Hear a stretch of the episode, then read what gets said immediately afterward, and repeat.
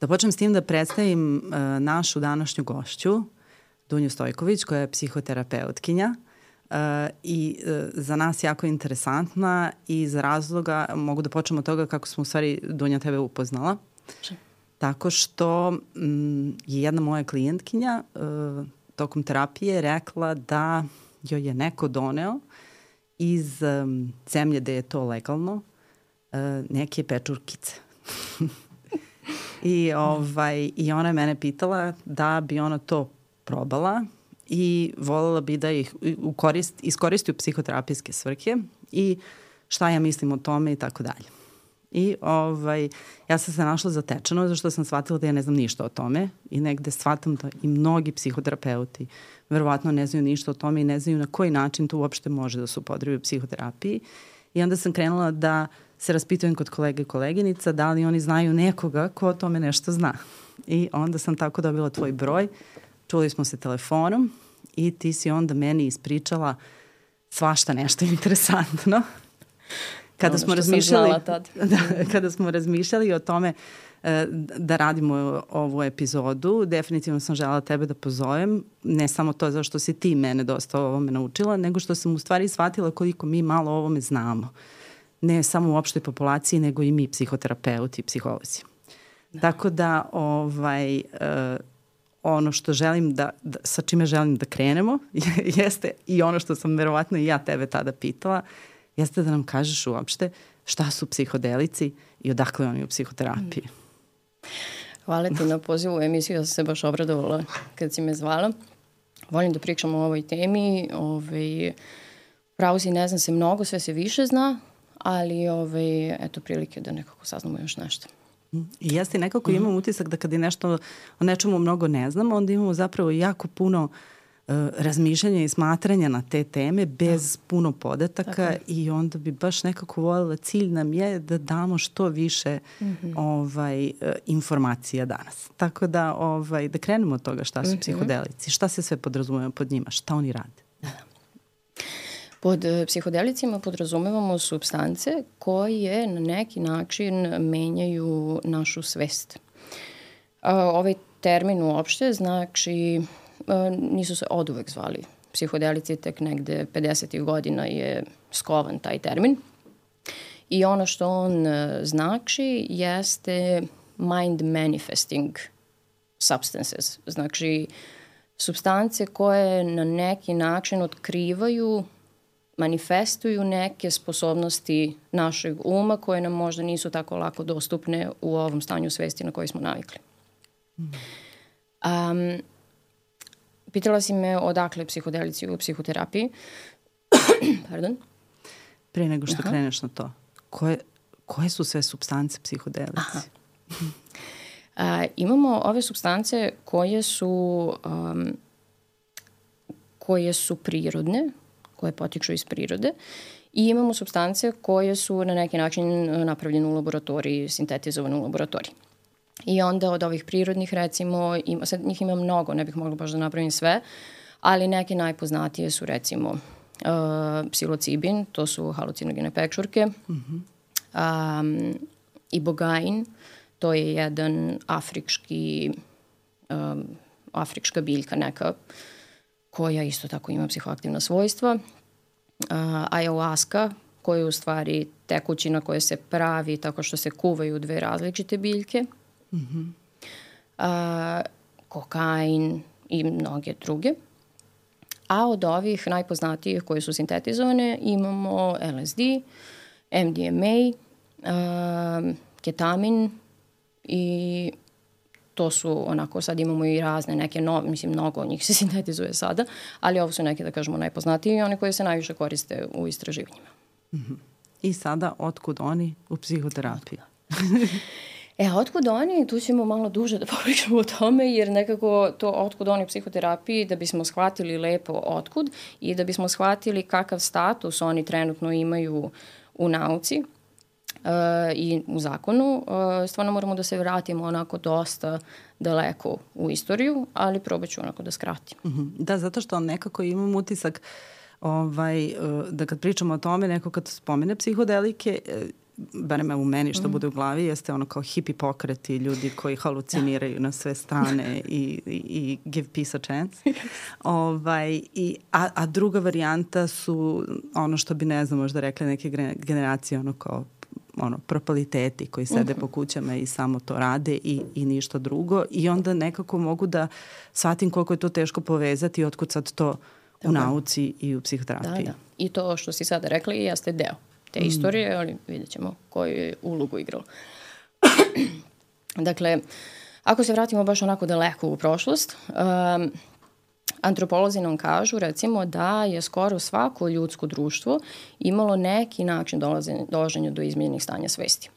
Bilo da je to kroz ples ili kroz e, muziku ili kroz korišćenje biljaka sa psihoaktivnim svojstvima, ali skoro svako društvo je imalo neki svoj način. Pa ih je to navelo da pretpostave da su izmenjena stanja svesti neka prirodna pojava kod ljudi ili možda čak i potreba, jer Mi znamo da ljudi nisu samo kognitivna bića, već su i emocionalna i telesna bića, ali isto tako i spiritualna bića. I ove substance su uh, dosta davno korišćene najviše u spiritualne svrhe. Uh, tako da oni pretpostavljaju da je ovo prosto bio njihov način nekako dolaženja u kontakt sa tim i da je to jedna prirodna potreba čoveka jer se toliko nekako rasprostranjeno pojavljuje.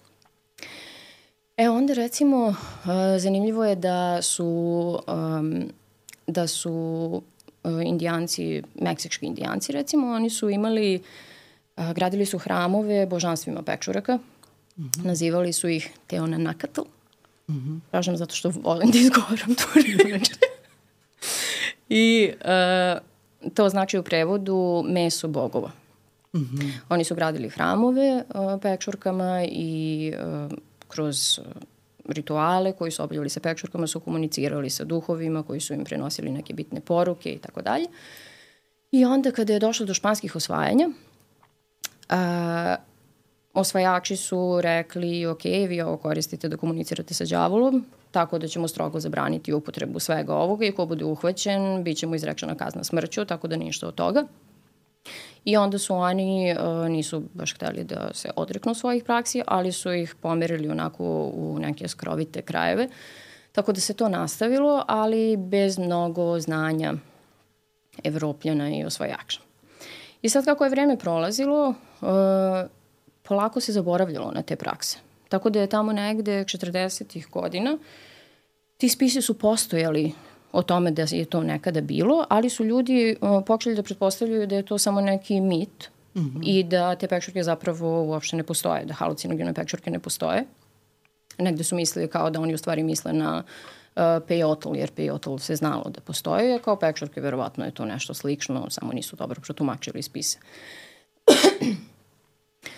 I onda ovaj, je jedan američki etnomikolog Gordon Wasson odlučio da on želi to da istraži i da vidi da li je to stvarno tako, da li on možda može da pronađe ipak te pečurke, pa je otišao u Meksiko i tamo je u jednom planinskom selu upoznao jednu isceliteljku poznatu, zove se Marija Sabina i ona je njemu pokazala pečurke i on, on je učestvovao u jednom ritualu sa njom sa pečurkama koji je ostavio snažan uticaj na njega.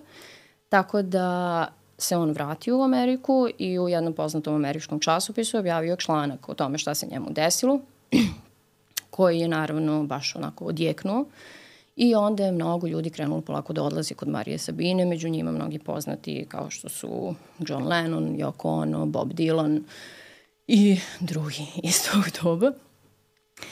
I svi su oni hteli da vide šta se to tamo dešava, međutim, naravno, kao bilo šta što se tako popularizuje, uh, je donelo mnoge probleme. Nažalost, Marija Sabina je posle nekog vremena bila izgnana iz tog sela zato što zbog tog dolaska turista su se neke stvari zakomplikovale. Tako da je ona na kraju izjavila da se pokajala zato što je pokazala Vosonu moć pečuraka, ali eto, to je bio neki sled događaja. Mm -hmm. I onda ovaj, se sve to negde dešavalo 40. ih 50. ih godina u isto vreme kada je Hoffman slučajno otkrio psihoaktivna svojstva LSD-a, tad su isto otkrivena psihoaktivna svojstva MDMA-a i isto je sintetizovan psilocibin. Znači, uh, jedno su pečurke koje pečurke koje sadrže psilocibin, a ovo je sintetizovana verzija toga. Recimo, jedan mali zanimljiv podatak je da kad su oni sintetizovali psilocibin, napravili ga u obliku pilule, oni su otišli nazad kod Marija Sabine mm -hmm. da joj daju tu tableticu i da je da pitaju... Testira. Da ona testira. tako je. da je pitaju je li to isto, je li to stvarno to i ona je rekla da jeste, dala je mhm. zeleno svetlo i tako su nastavili. E, u tom periodu, uh, dakle, ljudi polako počinju da otkrivaju ta zanimljiva svojstva ovih substanci i uh, farmaceutske kuće postaju jako zainteresovane za to da se istraži njihov potencijal, da se vidi zašto sve one mogu da budu korisne, tako da kreću da šalju velike količine ovih psihodelika uh, raznim naučnicima, najviše psihijatrima, neuronaučnicima i tako dalje, da oni vide zašto sve mogu da budu korišćene. I u tom periodu negde od 40-ih, 50-ih do 70-ih godina je urađeno nekih hiljadu istraživanja sa 40.000, otprilike 40.000 ispitanika. I uh, otkriveno je, to je ta istraživanja su pokazivala da može da bude vrlo korisno u tretiranju zavisnosti, alkoholizma, pušenja, kod depresije, anksioznosti, ko za izazivanje mističnih nekih doživljaja, transcendentalnih iskustava i razne druge stvari. A, I sad, iako ta istraživanja ne bi zapravo zadovoljila današnje metodološke kriterijume, ipak su dosta obećavajućih rezultata pokazivala. I ono na šta sam naišla jeste da ih je bilo jako puno. Znači da, je, da. da se baš istraživalo da. u tom periodu. Jeste. Jeste, pa kažem ti, mislim, 40.000 ljudi da prođe kroz ta istraživanja je prilično onako velika brojka, zato što je eksplodiralo, ljudima je bilo jako zanimljivo. I govorili su o tome, psihijatrima je bilo jako zanimljivo recimo, jer a, su shvatili da a, psihodelici na neki način izazivaju kao neki tranzitorni psihotični poremećaj. Znači kao da učine da na jedno ograničeno vreme budeš psihotičan. I to je njima bilo jako interesantno. Mm -hmm. e, jer su smatrali da tako mogu bolje da razumeju svoje pacijente i da vide šta se što, dešava, dešava i kako mogu da im pomogu. Mm -hmm. E, onda je... Uh, tu stvari kreću malo da se komplikuju zato što su ove substance malo iscurele iz tih kontrolisanih uslova. Volim to kao iscurele. Sigurno je neko nešto prokrimčario. I tekako. Dobro. Ove, Ima jedno tu poznato ime, Timothy Leary, verovatno su ljudi mm -hmm. čuli za to. On je bio profesor na Harvardu i on je um, radio istraživanja sa psihodelicima, ali je polako počeo da zagovara uh, masovnu upotrebu psihodelika. Mm. Jer je, čak izvini, negde sam čak uh, čula da, da je on smatrao da to treba stavljati u vodu, da to treba svi da konzumiraju. Mislim, do te mere je. Da. Jeste, jeste, mm. baš je onako bio ovaj, ekstreman u tome.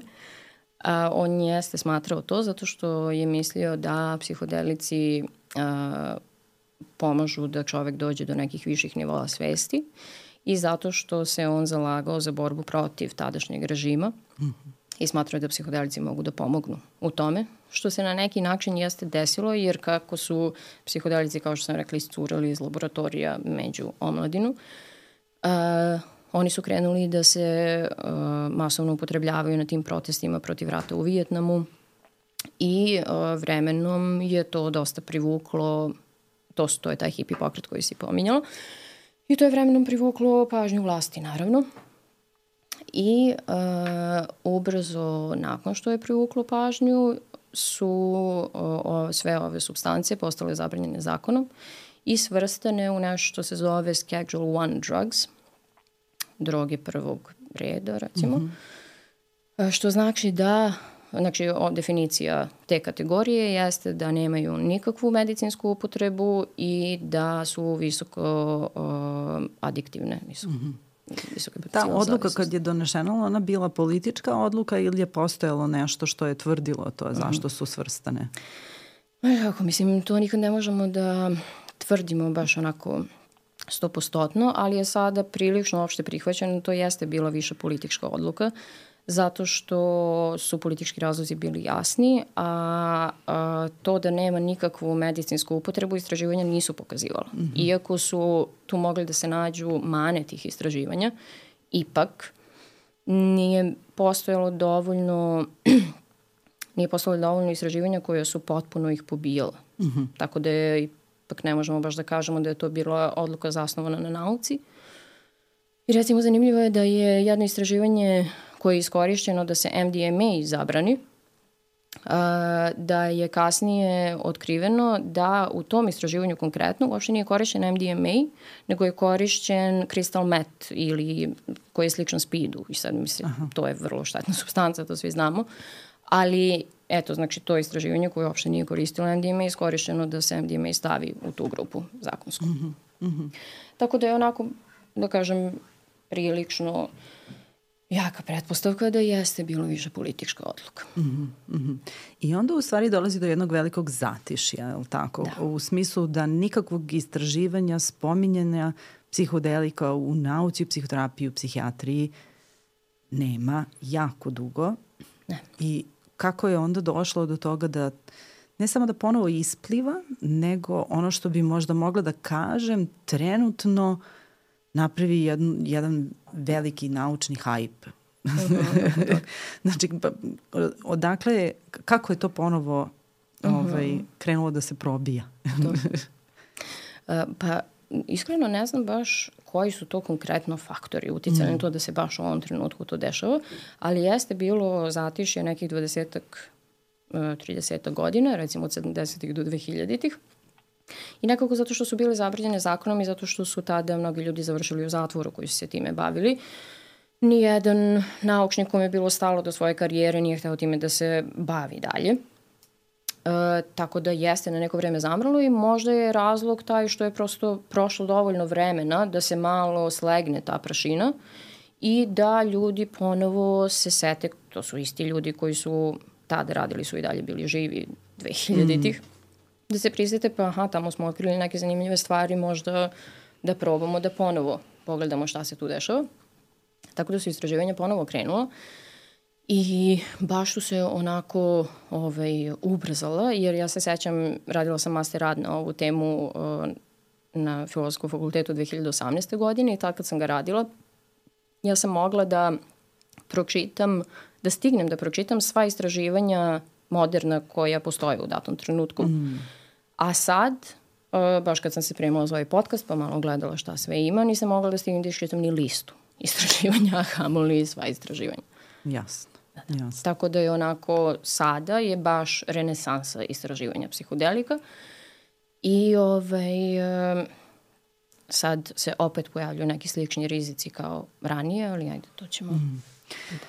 Kako si ti onda ovaj, u, uplivalo u tu renesansu. da kako je procurelo? kako je procurelo kod tebe? Ti si završila psihologiju, upisala master, sad si spomenula da si radila master rad uh, na temu Može samo reći Aha. koja je tema bila. Pa... Tema je bila fenomenološko istraživanje uh, utic subjektivnih doživljaja korisnika halucinogenih pečuraka. Mm -hmm. uh, fenomenološko istraživanje znači da sam se bavila time kako je iskustvo tih ljudi i uh, prosto sam razgovarala sa ljudima koji su sami na svoju ruku uzimali ove substance, a mm -hmm. meni su samo prepričavali događaje i na osnovu toga sam ja radila neke rezultate dobila. Jasno. Da. Kako je to tebe zainteresovalo? Otkud ti u tome? Da. To ove, nema mnogo baš veze sa... Uh, mislim, to se jeste posle isprepletalo sa mojim studijama, ali inicijalno je bilo više ovako neka lična priča. Uh, ja sam nekoliko godina pre toga upoznala neke prijatelje iz Meksika i, ovaj, i uvek su me zanimali nekako ti krajevi. Onda sam odlučila da ih posjetim tamo i da provedem neko vreme s njima. Znači sve uvek počinje u Meksiku, to je meni sad. Da, da vidiš? Da, dobro. pa da, onako baš na izvor sam da. otišla. Ove, e, taj jedan prijatelj mi je predložio da odemo u pustinju na jedan ritual, na jednu ceremoniju sa pejotlom. I ja u tom trenutku nisam imala stvarno pojma šta je to i za mene su tad uh, je pejoto i bilo koji psihodelik znak... A evo sada da te pitam šta je pejotl, da, da, da znaju. pejotl je jedan meksički kaktus uh mhm. -huh. koji raste onako pri zemlji ove, koji se uz, konzumira tako što se jede sirov. Znači, iseče se sa zemlje i pojede se i on ima psihoaktivno svojstva. Uh mhm. -huh. Da, i uglavnom se koristi u tim ceremonijalnim krugovima. e, da. E, onda je on meni to rekao i kažem ti, za mene su u tom trenutku um, psihodelici bili isto što heroin i kokain i tako dalje. Nisam nekako znala ništa o tome, niti pravila bilo kakvu razliku, tako da nisam baš bila oduševljena tim predlogom, ali onda mi je on malo objasnio o čemu se tu radi i kao, ajde, da vidimo šta je to. I onda sam bila na tom ritualu i bilo je jako zanimljivo jer je to onako jedan dalek kraj u Meksiku do kog se teško stiže u sred neke pustinje i ovaj, bio mi je zanimljiv ceo setting iako na mene u tom trenutku taj pijotl nije imao nikakvo dejstvo. Aha, znači to može da se desi. I to može da se desi mm. i dešava se, da. Um, posebno se često dešava, mislim da se češće dešava kada ljudi probaju prvi put. Jer kao da kao da nekako tvoj sistem ne zna baš šta će s tim na neki način. Um, tako da da, nije imalo nikakvog efekta, ali mi je bilo jako zanimljivo ceo taj setting i cijela priča oko toga i efekte koje sam videla kod ljudi sa kojima sam tu bila, ovaj, koji su osetili neke stvari i doživjeli. tako da A, tako da mi je to onako postalo interesantno i onda kad sam se vratila u Srbiju sam rešila da promenim temu master rada koju sam imala pre toga i da se malo dublje pozabavim ovim. E si u tom trenutku znala da je to već krenulo da se da kažem, da se rade kliničke studije, kako se to psihodelici mm -hmm. koriste u psihoterapiji? Pa tek kad sam krenula, mm -hmm. tek kad mi je palo to na pamet da bih mogla da pišem o tome i onda kad sam krenula malo da istražujem, tek sam tad videla da se zapravo već nešto tu dešava. Mm -hmm. Začeci svega toga u psihoterapiji, za, mm -hmm. nekako, baš smo, ovo što si pričala ranije, istraživanja koje su mm rađene, kako je sve to korišćeno, sve to negde razumem da to verovatno interesuje nekoga, naravno pa i nas su to nekako kao i psihološki i psihijatrijski i tako dalje, kako to funkcioniše mozak. Ali kad ga stavim, ali psihoterapija je jedan specifičan setting i uh, svašta se tu nešto procesno dešava. Um, kome je palo na pamet, ajde tako da kažem, i ko je došao do te ideje da, da to može da se koristi u psihoterapiji? Um, mislim da je to počelo da se kao javlja kao ideja u ovom periodu koji sam pominjala mm -hmm. kada je kad su otkrivena psihoaktivna svojstva LSD-a, MDMA-a i drugih substanci tamo 40-ih, 50-ih godina. Jer uh, Hoffman kad je slučajno ovaj, uneo LSD preko prstiju, mm -hmm. on je imao jedno iskustvo koje mu je dalo neke uvide za koje je osetio da imaju potencijal da nešto tu u nama promene. Mm -hmm. I onda se nekako vrlo spontano i lako došlo od toga, krenulo od toga i došlo do ideje da može da bude koristan alat mm -hmm. za mhm. različite mm -hmm. psihoterapijske probleme. Mm -hmm. Ono što te sve vreme navodim jeste Aha. da kreneš da mi pričaš e, priču o uh, Rick Dolbinu i Aha. kako su oni 80-ih zapravo krenuli vrlo jasno u pravcu onoga što će valjda ostvariti sledeće godine. Da. da, da. Uh, Rick Doblin jeste uh, jedan zanimljiv vrlo čovek koji sad ima oko 80 godina. Uh, A, a od svoje 18. godine je krenuo da se zalaže za legalizaciju psihodelika i za njihovo korišćenje u mhm. psihoterapiji. Mm -hmm.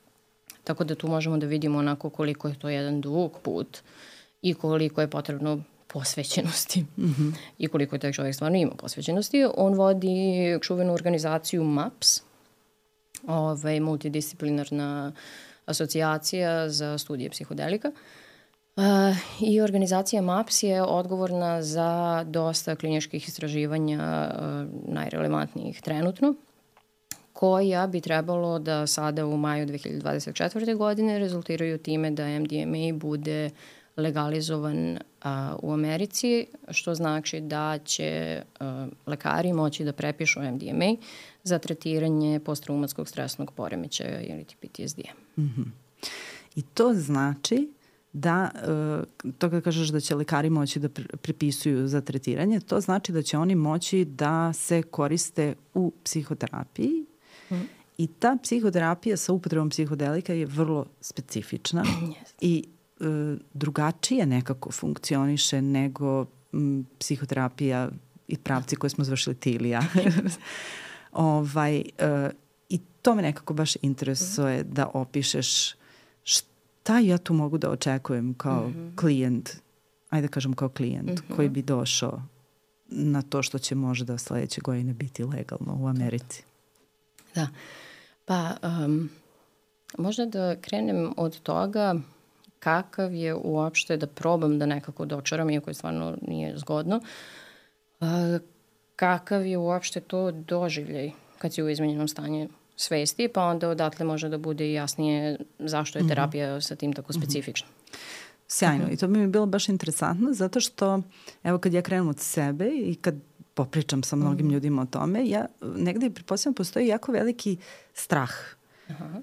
od izmenjenog stanja svesti. Nekako m, pored toga šta mislimo šta ćemo sve da doživimo i šta će sve da nam se desi, postoji veliki strah da ne isplivaju neke stvari koje su užasno strašne sa kojima nećemo znači šta da radimo.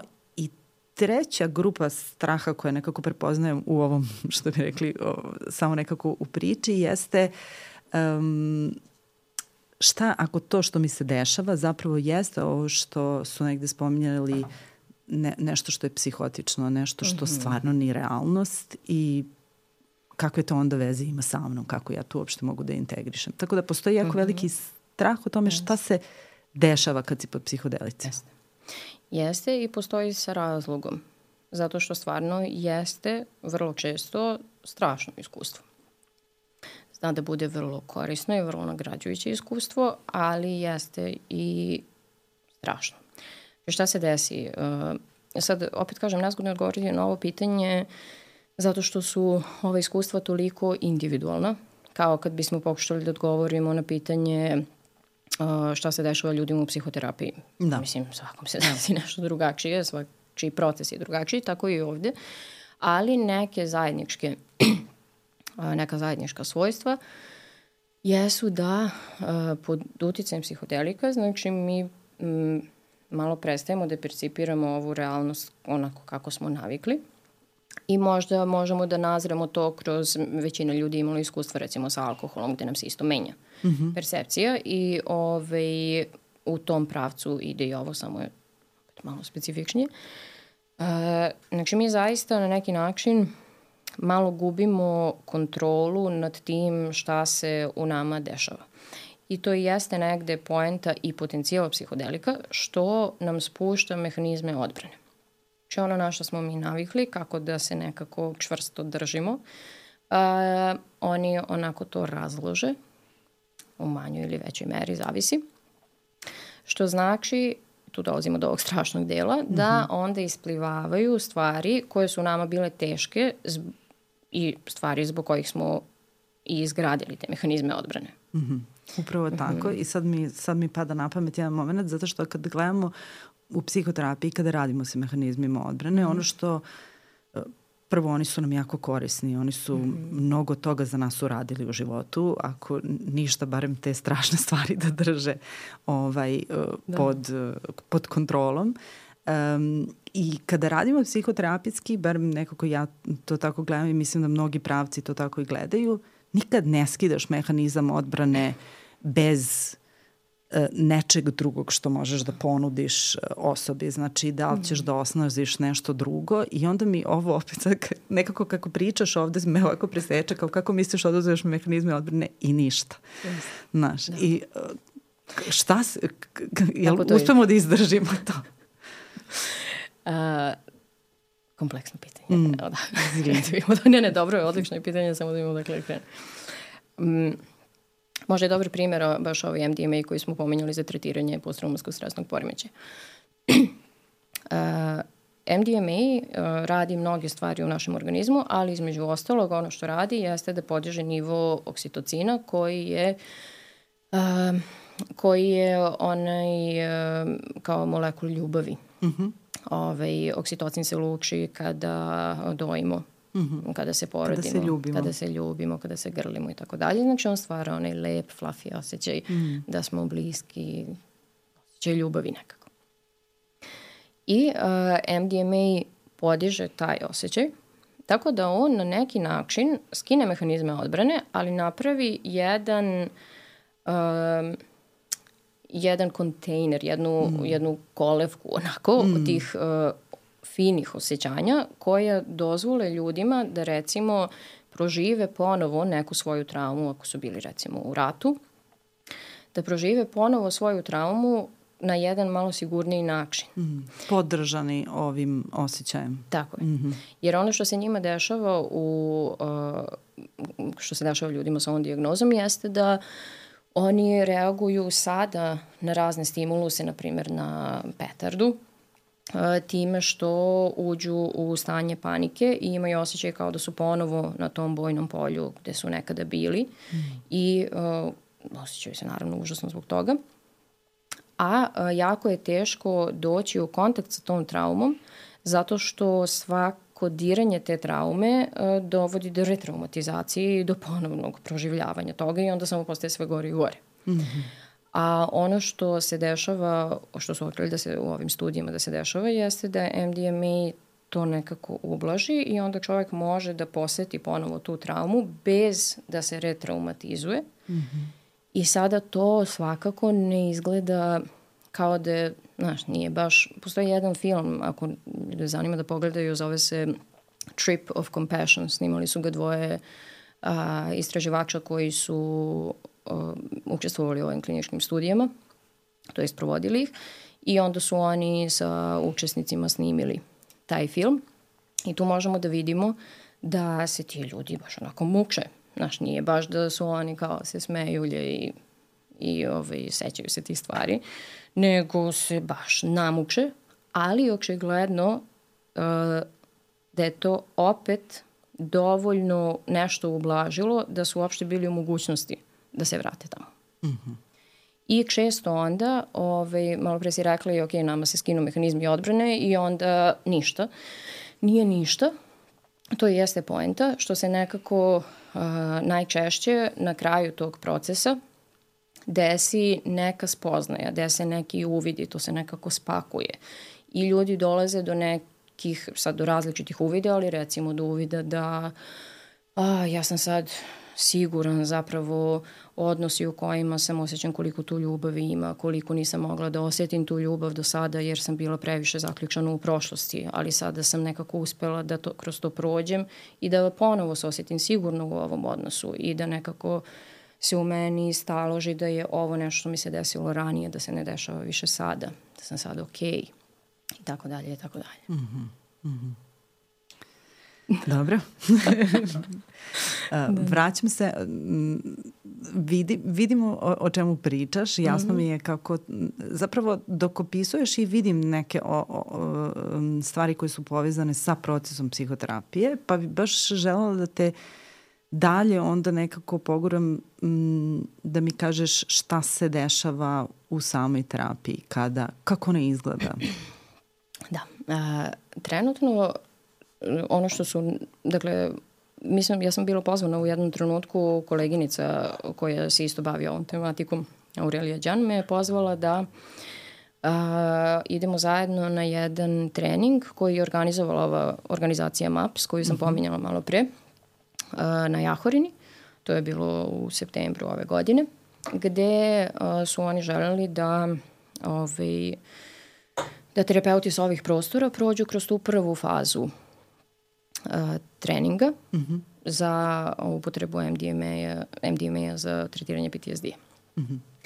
I tamo smo učili o tom protokolu kako izgleda terapijska upotreba psihodelika, uh, iako su nam naglašavali da ovo definitivno nije jedini način. Mm -hmm. Zato što sve što se sada istražuje je, iako imamo sva ta istraživanja od ranije, ali opet sada su nekako rigoroznije, drugačije i uh, prosto svi oni kažu da ovo je tek nešto što smo otkrili da funkcioniše, to ne znači da je to jedino i sigurno ćemo vremenom otkrivati mnogo toga. Mm -hmm. Ali ono kako za sada taj protokol izgleda, jeste da ovaj, znači osoba a, dođe, uvek a, dođe u određenu ustanovu i tu su dva terapeuta. Uvek je tu terapijski par zato što je ovaj rad dosta naporan i traje mnogo sati. Mm -hmm. Tako da mora da postoji nekako ta podrška. Um, kada osoba dođe, prvo se sa njom radi jedna nekoliko pripremnih sesija, što znači da se oni upoznaju, popričaju o tome koja je problematika, kakva su iskustva. Tu se isto tako uzima dosta bitnih podataka o tome da li su imali um, u svojoj prošlosti ili u bliskoj porodici neke ozbiljnije mentalne poremeće kao što su psihoza, šizofrenija i slično, jer su to kriterijumi za isključenje. Mm -hmm. I isto tako da li su imali neke probleme sa srcem, to su sve isto kriterijumi za isključenje. Ako prođu, onda ovaj, im se objašnjava polako kako izgleda to što mogu da očekuju, jer ako nikad niste imali iskustva sa izmenjenim stanjem svesti, stvarno može da bude vrlo Preplavljujuće. Preplavljujuće, tako je. I da mm. bude strašno i da nekako, pošto uh, kad psihodelik krene da deluje, on ima određene uh, telesne, određene utice na telesne procese, pa onda možeš da osetiš da ti srce brže lupa, da ti nešto migulji kroz telo, da ti je hladno, da ti je ovako, da ti je onako. I ako nisi pripremljen na to da će ti se to desiti, uh, možeš da kreneš da paničeš prosto jer ne znaš sad odakle to. Mm. Ove, tako da te pripremne sesije služe za to da se ljudi lepo pripreme i da znaju šta ih čeka da bi se što više smanjile te negativne reakcije. I onda kada a, dođu sledeći put na samu sesiju sa psihodelikom, a, daje im se psihodelik, u ovom slučaju MDMA, oni to uzimaju i a, uglavnom je potrebno negde između pola sata i sat i po, zavisno svi od čoveka, da uh, krene efekt. Za to vreme uh, terapeuti, a da, znači uh, ljudi se podstiču da drže sve vreme one ovaj, eye shades, kako se zovu, Po, povezno maska. očima, maska da. za očima. Maska ono što idemo da, ono kad, kad spavamo. Tako je, kad hoćeš lepo da spavaš, eto. Da drže to. I uh, sve vreme je tu muzika, muzika je jako bitan deo mm -hmm. svega. Uh, tako da se svime time i muzikom i tim povezom postiču da idu unutra. Jer isto tako kada psihodelik krene da deluje, pa recimo ako izazove neke vizualne halucinacije, mi možemo uh, da onda gledamo na okolo, da nam to bude zanimljivo i tako dalje i da nas nekako odvuče tamo, Aha. a da ne odemo da pogledamo u ono što je teško. Tako da ovo postiče ljude da idu unutra. Mm.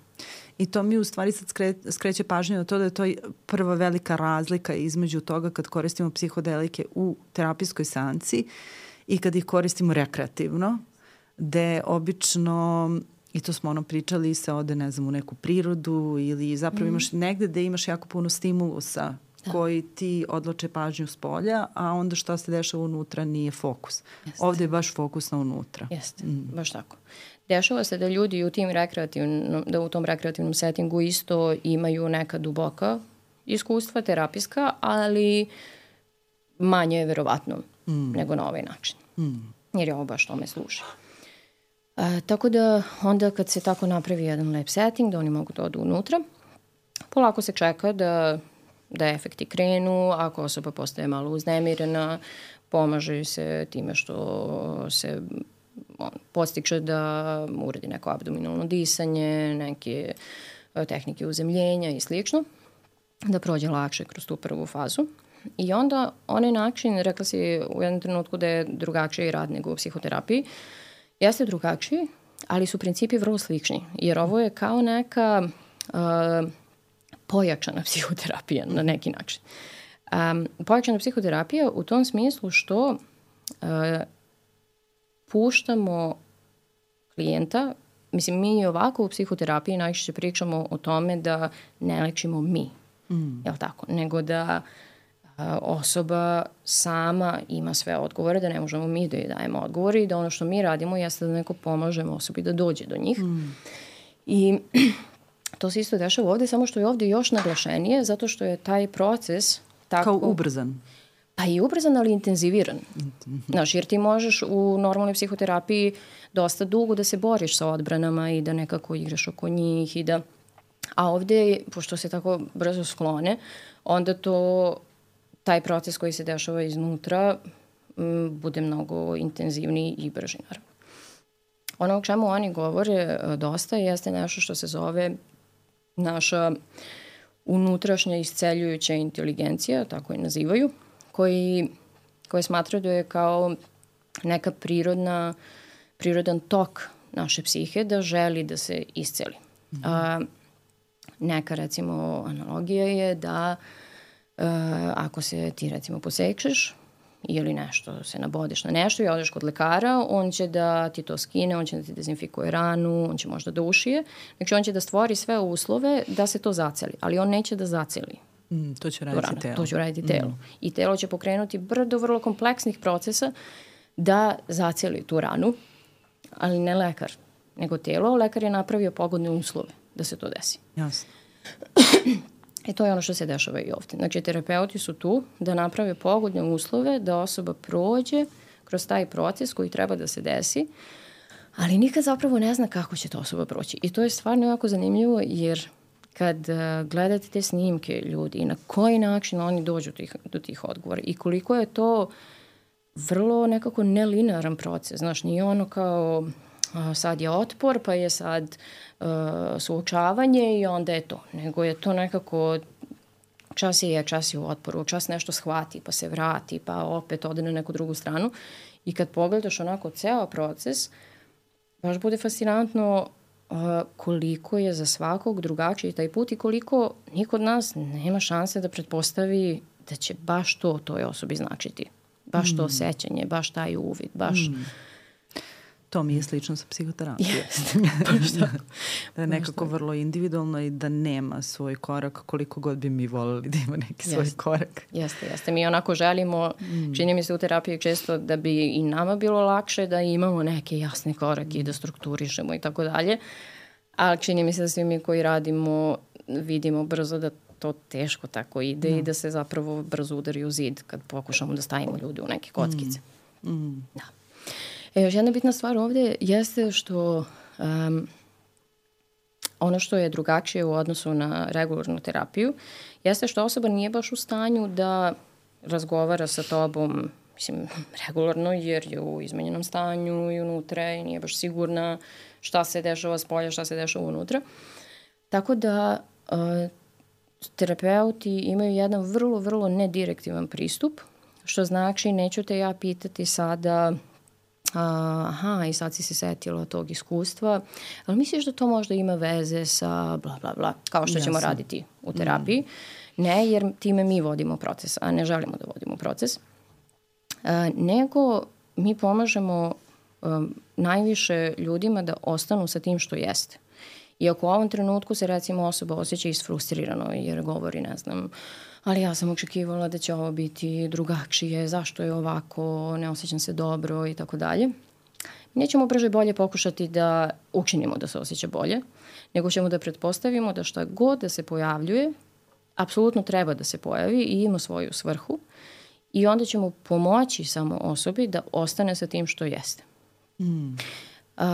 Često se u ovakvom radu koristi dodir, u smislu uhvatanje za ruku, stavljanje ruke na rame mm. ili malo onako kao neki poluzagrljaj. Ja to mhm. baš želim, tu na, nastavit ćemo ovo, ovde baš želim da te zaustavim zato što sam sigurna da će mnogi, a posebno terapeuti imati uh, pitanja uh, na ovu temu. Prvo si mi spomenula ovo kao uh, ne možeš ti tu sad direktno da razgovaraš i vodiš mm. razgovor sa osobom jer je ona malo mm. uh, i, i pogubljena i izgubljena u tom nekom settingu i onda mi se naravno, meni su upali ono kao crvena lampica koja kaže koliko je ta osoba tu bezbedna, uh, koliko je otvorena nekoj manipulaciji ovaj, koliko god mi želimo da verujemo da svaki psihoterapeut funkcioniše iz jednog vrlo etičkog momenta, ali otvoreno je jako Absolutno. veliko polje. Ne kažem da nije ni u samoj psihoterapiji ovako. Ove, znači, taj jedan moment kako obezveđujemo tu bezbednost mm. i ovaj moment vezano za dodir. Postoje psihoterapijski pravci da je dodir vrlo dozvoljen i, i, i čak e, veoma značajan. Sastavni deo. Da. I sa, tako je. A, I postoje oni pravci koji ono, verovatno se naježe kad pomisle na to da ti ćeš ono kao bilo šta više odrukovati mm. se sa svojim klijentom. Kako se to reguliše? Mm -hmm. I, I dodiri manipulacijama. To. Sad je možda komplikovano. Nije, nije, da. nije. Nije jer je vrlo vezano. Uh, upravo si onako potencijal za manipulaciju je veliki jer osoba stvarno jeste prilično bespomoćna tu. Uh, što samo znači da je koliko je bitno da ne, da bude dobro regulisano to što se radi. To ne eliminiše nikada u potpunosti, baš kao što si rekla, kao ni u psihoterapiji, ali je jako bitno da se mnogo trudimo da to rade ljudi koji su stvarno za to obučeni, da ne bi dolazilo do takvih stvari. Uh, ono što je protokol uh, jeste da uh, se oko dodira dogovara na jednoj od ovih pripremnih seansi, mm -hmm. baš zato da ne bi dolazilo do zloupotrebe. U smislu, ako mi pre uh, seanse sa psihodelikom se dogovorimo, ja tebe pitam je li tebi ok da koristimo dodir uh, i ti kažeš recimo ok, onda specifikujemo koji dodir tačno. Mm -hmm. Je li ok da uhvatimo za ruku, je li ok da ovde, je li ok da onda. Nikakav seksualni dodir nije dozvoljen nijakoj osobi, to ok naravno. Uh, ako osoba kaže da, kada se pojavi trenutak u seansi da procenimo kao terapeuti. Kad je pod dejstvom. Kad je pod dejstvom, mm -hmm. jeste da procenimo da bi dodir bio poželjen, mi ga ponudimo i ako osoba kaže da, onda pružimo, a ako kaže ne, to poštojemo. Međutim, ako je obranuta situacija, ako je osoba u onoj pripremnoj seansi rekla da ne želi dodir, mm -hmm. a onda je u ovoj seansi sa psihodelikom rekla ne, ipak hoću, a, mi ne možemo, ne treba da je pružimo dodir, zato što se smatra da ne možemo taj odgovor tu da uzmemo kao pouzdan, dogovorili smo se oko nečega kad je osoba bila u regularnom stanju mm. svesti, to ćemo poštovati i to im se negdje i kaže odmah na početku. Što ako sada kažete ne i posle zatražite, nećemo moći Jasno. da pružimo dodir. I to sa jedne strane i taj dodir stavlja u neke svoje bezbedne granice, ali i ovaj moment manipulacije. Znači, yes. neću, neću slušati tvoj zahtev kada si pod, tako. pod dejstvom. Jasno. Tako je. Jasno. Tako je. Mm. Tako da mislim, uh, dolazilo je do zloupotrebe i tu ima slučajeva, ali to su stvari koje očigledno ne možemo nikada da eliminišemo do kraja. Mm, mm, jasno. I onda prolazimo kroz taj proces dalje, dolazi, kako se završava ta? e, završava se tako što to traje oko 6 sati mm. i zato je potrebno dva psihoterapeuta, da, da, da. jer mislim 6 sati sedeti s nekim i biti potpuno pozoran na to šta se dešava je naporno, tako da se ti terapeuti malo smenjuju. Mm. I uh, kada se završi 6 sati i osoba se vrati u regularno stanje svesti, uh, onda dolazi kao neki noćni čuvar ili kako god, Aha. uh, neka osoba uh, ili osoba od poverenja, toj osobi ili neko ko je zaposlen i ostaje sa tom osobom celu noć. Dobro, znači nije baš čuvar, ok? Ja nije čuvar, sam... nije, nije uniform. vizualizaciju, ono, security Da, dobro. Ne, ne, neko okay. ko čuva. Neko ko, jasno. to, to. Tako da, uh, ako se bilo šta desi što je, ko osoba krene da doživljava nešto što je teško, mm. tu je neko da joj pruži podršku. Jasno. Isto tako terapeuti ostaju dostupni uh, 24 sata nakon toga konstantno na telefonu i narednih nedelju dana uh, su obavezi svaki dan da se čuju mm -hmm. sa tom mhm. osobom, tako da je onako dosta, dosta je podraženo. Mm -hmm. I uh, odmah sutradan uh, se dešava ta integracijska sesija gde se onda priča o tome šta je osoba doživela, povezuje i integriše. To mi je isto jako interesantno pitanje. Uh, tako nečak se u potpunosti sećamo, je li tako? Mm -hmm. Nema onog momenta kao u alkoholu da. kada se napiješ pa imaš crne rupe. Da, da, da. Ti u stvari sve ono što se desilo dok si pod dejstvom psihodelika ti se sećaš. Jeste. Mm. Jeste, to je jako zanimljivo zato što dok si pod dejstvom psihodelika, tebi se toliko često, toliko stvari dešava u tvojim misalnim procesima i osjećanjima i toliko je to nekako zna da bude i brzo i mnogo, mm -hmm. da imaš osjećaj i nemaš šanse da ću ovog da se sećam, a onda se nekako potpuno sećaš. Sećaš se svega što se dešavalo, iako u tom trenutku nemaš osjećaj mm. da će se to desiti. Prosto mm. tako funkcioniš. A, tako da onda u toj integracijskoj sesiji se nekako to rezimira. Nekada je dovoljno da samo terapeuti slušaju osobu dok ona to lepo sama sklopi, nekada je potrebno da malo pomognu. I kada se to završi, um, radi se još dve, znači radi se ukupno tri integracijske sesije mm -hmm. i onda se radi ponovo -hmm. sesija sa psihodelikom. A te naredne dve sesije će biti mm -hmm. opet dan za danom? Ili... Nisu dan za danom, Aha. one su odvojenije, mislim da je okay. posle nedelju dana ili okay. tako nešto. A znači između jedne uh, administracije psihodelika i sledeće prođe mesec dana. Ok. Mm -hmm. I mhm. tako se to desi tri puta. Znači ima tri puta jedna psihodelična sesija, tri integracijske, jedna psihodelična trener i još jednom tako. I tu se ovaj protokol koji su oni radili zaokružuje i završava. I ono što, do čega su oni došli jeste da a, to istraživanje koje će biti iskorišćeno za ovu mhm. legalizaciju mm -hmm. u Americi koju smo pomenuli je pokazalo da a, dve trećine ljudi a, dva meseca nakon a, nakon te tri sesije više ne ispunjavaju kriterijume za PTSD, a da kod ovih drugih, ove jedne trećine, dolazi do značajnog smanjenja. Isto, samo nedovoljno da bi mm -hmm. da ne bi imali više ovu diagnozu. Mm -hmm.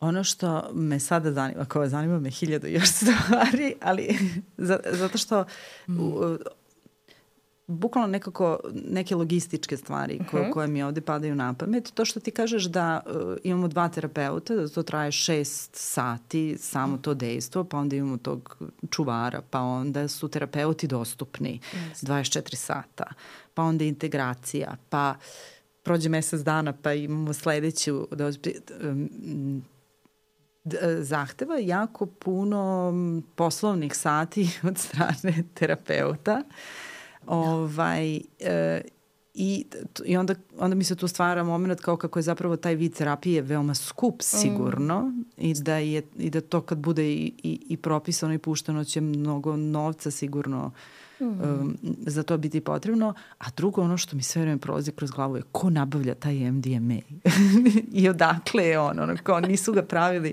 u nekoj šupi pored, ne, nego, nego ka, kako se ta, ta logistika rešava mm. i koje su to doze? Je li to mm -hmm. nešto što se dobije malo ili koliko nam toga mm -hmm. onda mhm. treba? Mislim, izvini, totalno sam u novcu ovde.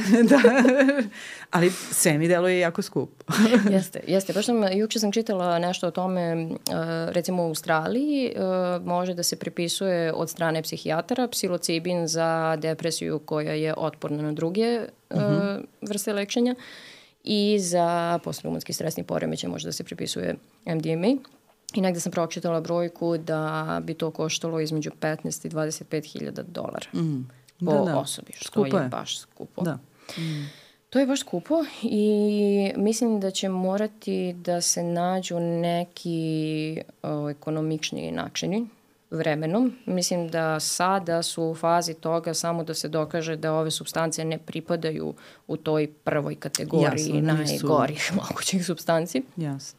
A da će ova pitanja toga kako da napravimo da to bude malo pristupačnije doći uh, kasnije. Mm -hmm. Mislim da se već o tome priča na neki način, ali nisam se baš udubila u to. E, drugo si pitala za to gde se nabavlja, tako? da. Pa pravi se koliko ja znam u laboratorijama koji, jer kad ti radiš kliničku studiju Jasno. ti dobijaš dozvolu, znači da koristiš ovu substancu na legalan način. Tako da se onda ova substanca proizvede u kontrolisanim uslovima u nekoj laboratoriji farmaceutskoj ili kako za god. Za slučaj studija. Za slučaj studija, da, da. Mm. I još nešto si pitala treće. Uh, vreme, da, vreme da, i koja je količina doziranja. Aha. E, jer jer se, jer se uzima ve, ve, veća količina, manja količina, kako je to? E, pa ne znam koliko će da znači? Ti značiti, da, uzima se između 80 i 125 miligrama To mi sad, ti sad meni što... reći je li to mnogo ili malo? To je, ono... to je jedna prosečna mm -hmm. doza, okay. da kažeš. Ovaj, uzima se to 80, između 80 i 125, a onda se posle nekih sati i po ili dva uh, daje po potrebi još pola od mm -hmm. toga. Znači ako si dao 100, recimo okay. daćeš posle još 50. Okay. Ako znači, proceniš. To nije ono što se u poslednje vreme zove mikrodoziranje. A ne, ne. Da. ne. da. Nikako. Okay. Mikrodoziranje je kad uzmeš toliko da ne osetiš yes. efekte. Yes. Znači, mikrodoziranje treba da ima efekt kao neki suplement, recimo, koji ti yes. ne osjećaš kad ga uzmeš, nego se taloši. Koji vitamin C. da, da. da, koji isto ne osjećaš ni posle. Jasno. Jasno, jasno, jasno. Da, da, da. da, da. Znači, ovo baš nije to i to je, mislim da isto Ne, ovo je doza koja je dovoljna da proizvede vrlo vidan efekat mm. kod osobe. Mm. I isto je neka doza za koju, pošto MDMA može da bude neurotoksičan u nekim većim dozama, ovo je doza za koju su procenili da je dovoljno bezbedna. Mm. Mm. Da. E sada, kada si pričala o ovom delu da na početku uh, idu te neke pripremne seanse i, i jedna od stvari, neke od stvari koje se gledaju jeste da će neki određeni ljudi biti uh, eliminisani, odnosno mm. neće biti podobni da, mm -hmm. da, da prime ovakav vid e, terapije. Šta su zapravo rizici? Koga tu eliminišemo iz... Da. Ovo što sam rekla, ako krenemo od ovih fizičkih rizika, eliminišemo ljude koji imaju neku istoriju srčanih problema, zato mhm. što uh, utječe na onako ubrzan rad srca, tako da ako imaš već oslabljeno srce, može svašta da se desi, tako da se to odmah isključuje. A što se tiče psiholoških stvari, tu se isključuju osobe koje imaju istorijet uh, psihoze ili ovi nekih ozbiljnijih poremećaja. Uh, za, sad je i to, znači definitivno se isključuju osobe koje u svom iskustvu to imaju. Mm -hmm. U nekim studijama se isključuju osobe koje imaju u bliskoj porodici. Mm -hmm.